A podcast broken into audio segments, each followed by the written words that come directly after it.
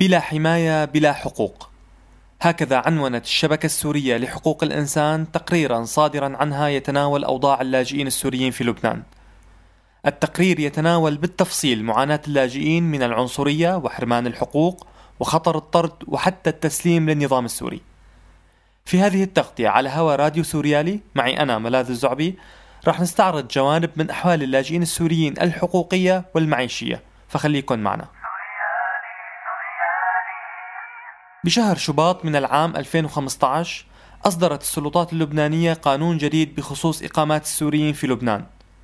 تداعيات هذا القانون على حياة السوريين اللاجئين في البلد الجار لخصها تقرير الشبكة السورية لحقوق الإنسان بالكلمات التالية. اتخذت السلطات اللبنانية العديد من الإجراءات للحد من تدفق السوريين إلى أراضيها. وفرضت شروطا صعبة للإقامة على أراضيها كتحديد رسوم مرتفعة لاستخراج الإقامة ووجود كفيل لبناني. لم يتمكن القسم الأعظم من السوريين من تحقيق شروط الإقامة. كل ذلك أفقد معظم اللاجئين السوريين صفتهم القانونية في الوجود في لبنان.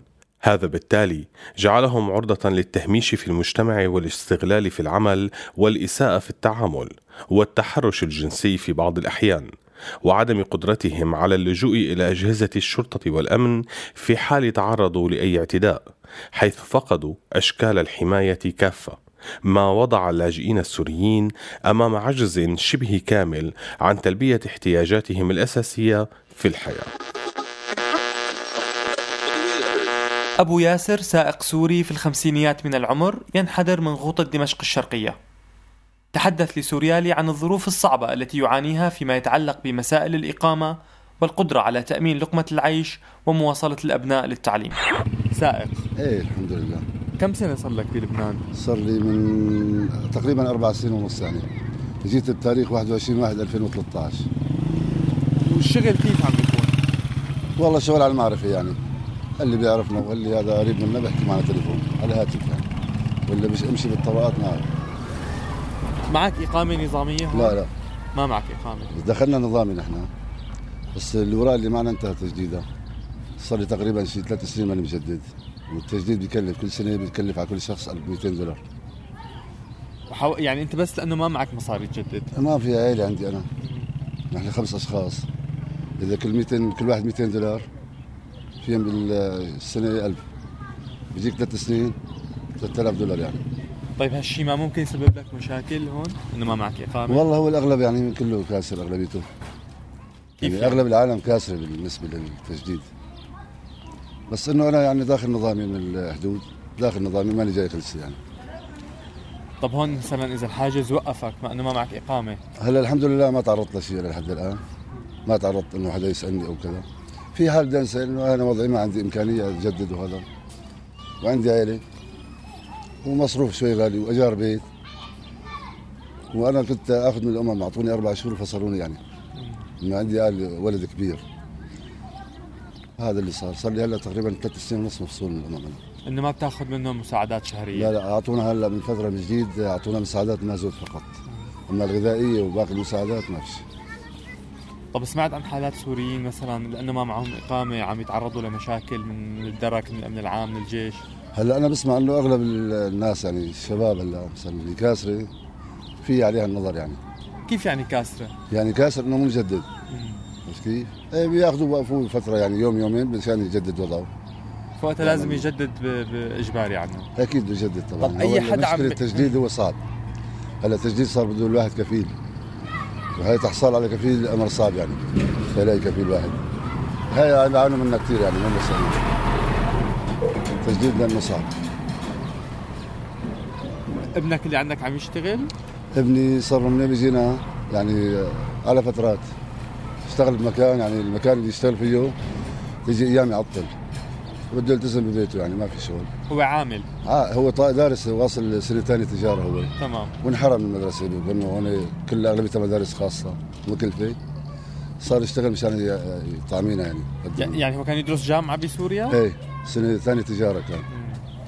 لما جينا بالأحداث هون اللي صارت انحرم المدرسة. وعندي اخته أصغر منه كمان بنت كمان حربت وصلت الصف التاسع بسوريا. وولد أصغر كمان وصل السا... تقريبا السابع. كمان هون ما في ما اختلف المنهاج كله عليهم وما في تعليم. ما كملوا. لا ما كملوا. طب والصغار عم يشتغلوا؟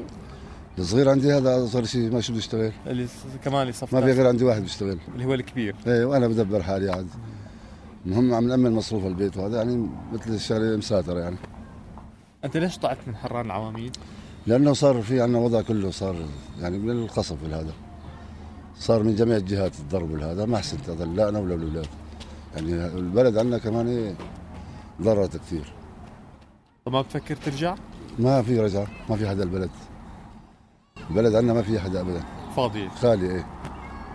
حدا مثلا بتعرف حدا من حران العواميد حاول يرجع أو فكر يرجع قدر يرجع؟ لا لا لا ما في حدا نهائيا. البلد آه، كلها يعني يعني خارج السيطرة بقولوا ما في يعني ما فيها ما فيها إنسان ساكن يعني. ما في حدا متواجد فيها.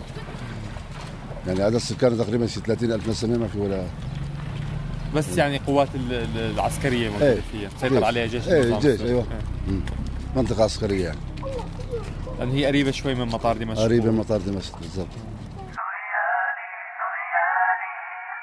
وحتى قبل إصدار القانون الجديد لإقامات السوريين في العام 2015 وبالأخص بعيد إصدار هذا القانون نفذت القوات الأمنية وقوى الجيش اللبناني عشرات المداهمات على مخيمات اللاجئين السوريين في مختلف مناطق لبنان وبشكل خاص في منطقة البقاع. مداهمات كان ينتج عنها حالات اعتقال للعشرات من اللاجئين ومصادرة آليات بملكها وبشكل خاص الدراجات النارية بالإضافة إلى المعاملة السيئة خلال المداهمات. يحيى لاجئ سوري يقطن في مخيم بالبقاع وصف معاناة السوريين الناتجة عن مسألة استصدار الإقامات وما يتعرضوا له خلال المداهمات. أنت هون كيف تتنقل بلبنان؟ كيف وضع إقامتك؟ ما فيك تتنقل هون بحريتك. أنا وكل السوريين ما فينا نتنقل هون بالبقاع لأنه إقاماتنا خلصت. وراء الخلسي اللي طلعوا لنا إياها خلصت مدتها. والمشكلة لأنه إذا بدك تعمل إقامة من جديد جدد الإقامة بدك كفيل وبدك مبلغ 200 دولار يمكن عن كل ست شهور فكل واحد صار بده 1000 1500 دولار يعني مشان يجدد إقامته. هلأ كاسر من أول اقامه عائلته يعني. إيه، إقامته اقامته لا لكل فرد لكل شخص. إيه، يعني كل فرد 200 دولار. إيه، لأنه صار كاسر أكثر من أكثر صار لهم كاسرين أكثر من آه، سنة يعني سنة في غرامات يعني. غرامات اي هاي الغرامات بدك تدفعها. يعني إذا بدك تعمل لك ولعيلتك ثلاث أشخاص بدك كل واحد 1000 1000 دولار بدك 3000 دولار. وهدول مبلغ يعني مستحيل يتدبر بهيك يعني بشكل عام ما بتتنقل برا المخيم؟ لا لا لا على الأغلب ضمن المخيم. ضمن المخيم. أنا وكل الموجودين هون على الأغلب ضمن المخيم. وإذا طلعت لقيت حاجز بدك تتحفظ منه بترجع بتلف من هون تلف من هون لتطلع اي إذا طلعت. على الأغلب محجوزين ضمن المخيمات. بس في حالات بالمخيم أو برا أنت بتعرف فيهم مثلا تعرضوا للايقاف على الحواجز لأنه ما معهم إقامات؟ كثير كثير عالم حتى مو بس تعرضوا. منهم آه، على الحواجز ومنهم مداهمات. في قسم من المداهمات عم يداهموا المخيمات الجيش عم يداهم المخيمات. آه، طيب بالمخيم إذا الوضع السوريين بلبنان كله غير نظامي كلهم كاسرين يعني. يعني آه، مخلصين آه، مدة الكرت هدول عم يحجزوهم كمان عم ياخذوهم ياخذوهم من المخيمات بياخذوا 40 واحد 30 واحد 50 واحد كل شيء عم يلاقوه عم ياخذوه من المخيم. وهي عم تسبب مشكلة كبيرة كمان بالنسبة للمخيم وبالنسبة لغير المخيمات يعني. طب واللي عم ياخذوه آه، بالمداهمة لأنه مو مجدد الإقامة. شو بي... شو الإجراءات اللي بيعملوا له إياها؟ أول شيء حجز بالسجن يعني. شو في يصير جوا؟ الله أعلم. يعني منه بيكون ابن حلال بجوز بس يعاملوا بلطف يعني بإنسانية يعني. ومنه بيضربوا ببهدلوا يذلوا يهينوا يعني. هاي عم تصير كثير يعني. آه، بنحجزوا هونيك يوم يومين أو ثلاث أيام ما بعرف كل واحد شكل. وعم يطالبوا هون يا أما تروحوا تجددوا أو تغادروا. تغادروا تغادروا لبنان. إيه. ولم تقتصر مسألة الإقامات على خلق مصاعب بحق اللاجئين المقيمين في المخيمات. فآثار هذه الإجراءات وصلت إلى منظمات المجتمع المدني السورية الفاعلة في لبنان. وباتت هي الأخرى أيضا تواجه مصاعب نتيجة هذه القوانين.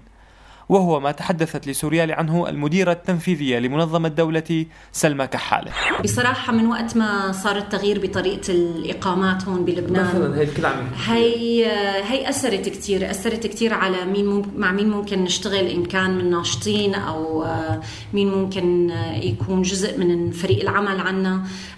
يعني اللي صار بتغيير هي الإجراءات هو صار مثل displace آه، شو بيسموها؟ displacement آه، يعني ترحيل جديد. صار المجتمع يعني الصغير اللي كان رجع تكون هون بلبنان اللي عم يشتغل على سوريا على الوضع السوري آه، رجع من أول وجديد تبعثر واضطرينا نرجع إنه نكون حالنا من أول وجديد كسوريين بلبنان كوادر كثير تفضل ترحل تمام رحلوا أو ما ما قدروا يبقوا. يعني حتى اللي آه، حابب إنه يبقى اضطر إنه يترك على تركيا أو على, على أوروبا. وطبعا هذا بيسبب كثير صعوبات من ناحية إنه كيف فيك تحافظ على فريق وتشتغلوا سوا. مو بس مع سوريا بس حتى بين بعضكم إنه برا. هاي وحدة من الصعوبات الصعوبات الكبيرة. الصعوبات الثانية بتتعلق كمان ب في عندك موضوع موضوع البنوك طبعا والتضييق على السوريين.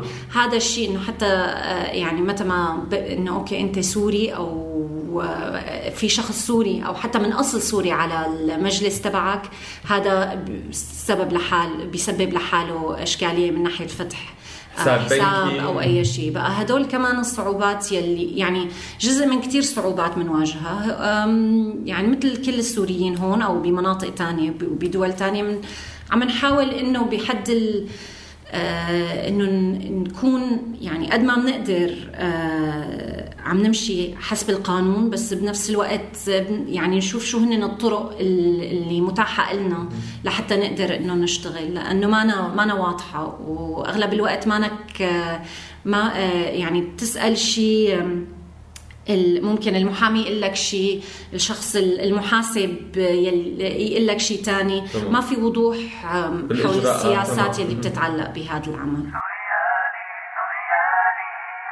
لكن الأخطر من مسائل الإقامة والعثور على كفيل هو تسليم السلطات اللبنانية لمعتقلين سوريين إلى النظام السوري وأجهزته الأمنية.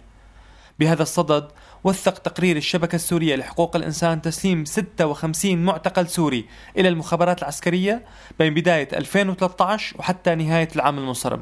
في حين أشار التقرير إلى أرقام أكبر من المعتقلين الذين تم تسليمهم والمصير المجهول الذي ينتظر هؤلاء. هناك تنسيق استخباراتي بين أجهزة الأمن في البلدين. ويبدو لنا أن أجهزة الأمن السورية قد زودت أجهزة الأمن اللبنانية بقوائم بأسماء المطلوبين وتكمن الكارثة أن تبادل الأشخاص يتم بسرية مطلقة. وعندما تصلنا معلومات فهي من باب المصادفة ما يجعل الحاصلة الفعلية لمن تم تسليمهم أكبر من التي سجلناها بكثير من هذه الناحية. لكن الأهم هو مصير هؤلاء الأشخاص الذين قد يتعرضون لخطر القتل المباشر أو الموت بسبب التعذيب داخل مراكز احتجاز النظام السوري. تقرير الشبكة السورية لحقوق الإنسان واللي استعرض مختلف أشكال معاناة اللاجئين السوريين في لبنان والانتهاكات بحقهم اختتم بمجموعة من التوصيات. اخترنا أنه نختم فيها نحن كمان تغطيتنا عن أحوال اللاجئين والمكابدات اللي عم يعيشوها. توصيات إلى الحكومة اللبنانية. عدم إرجاع اللاجئين السوريين إلى النظام السوري قسرا وخاصة المعارضين السياسيين أو العسكريين فإن مصيرهم سيكون القتل الفوري أو الإخفاء القسري. إصدار قرارات جديدة من شأنها تخفيف رسوم تجديد إقامة اللاجئين والسماح لهم بالعمل والبدء بتسوية أمور مخالفي شروط الإقامة اللاجئين الذين لم تشملهم القرارات السابقة وتسهيل الحصول عليها بهدف عودتهم إلى الحياة الطبيعية ما يشجعهم على إعادة إرسال أبنائهم إلى المدارس.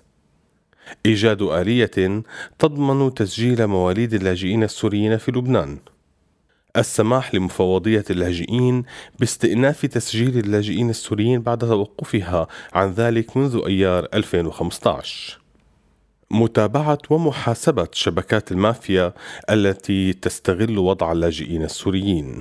توصيات إلى الدول المانحة. الإيفاء بكافة التعهدات إلى الدولة اللبنانية لمساعدتها في تحمل الأعباء الاقتصادية والاجتماعية والبنيوية لقرابة مليون وسبعمائة ألف شخص وفدوا إلى لبنان الطلب من الحكومة اللبنانية تلبية كافة التوصيات المتعلقة بها والضغط عليها لتحقيقها في أقرب وقت ممكن.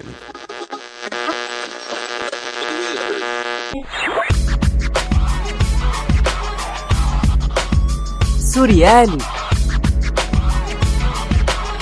على فكرة هذا مو راديو.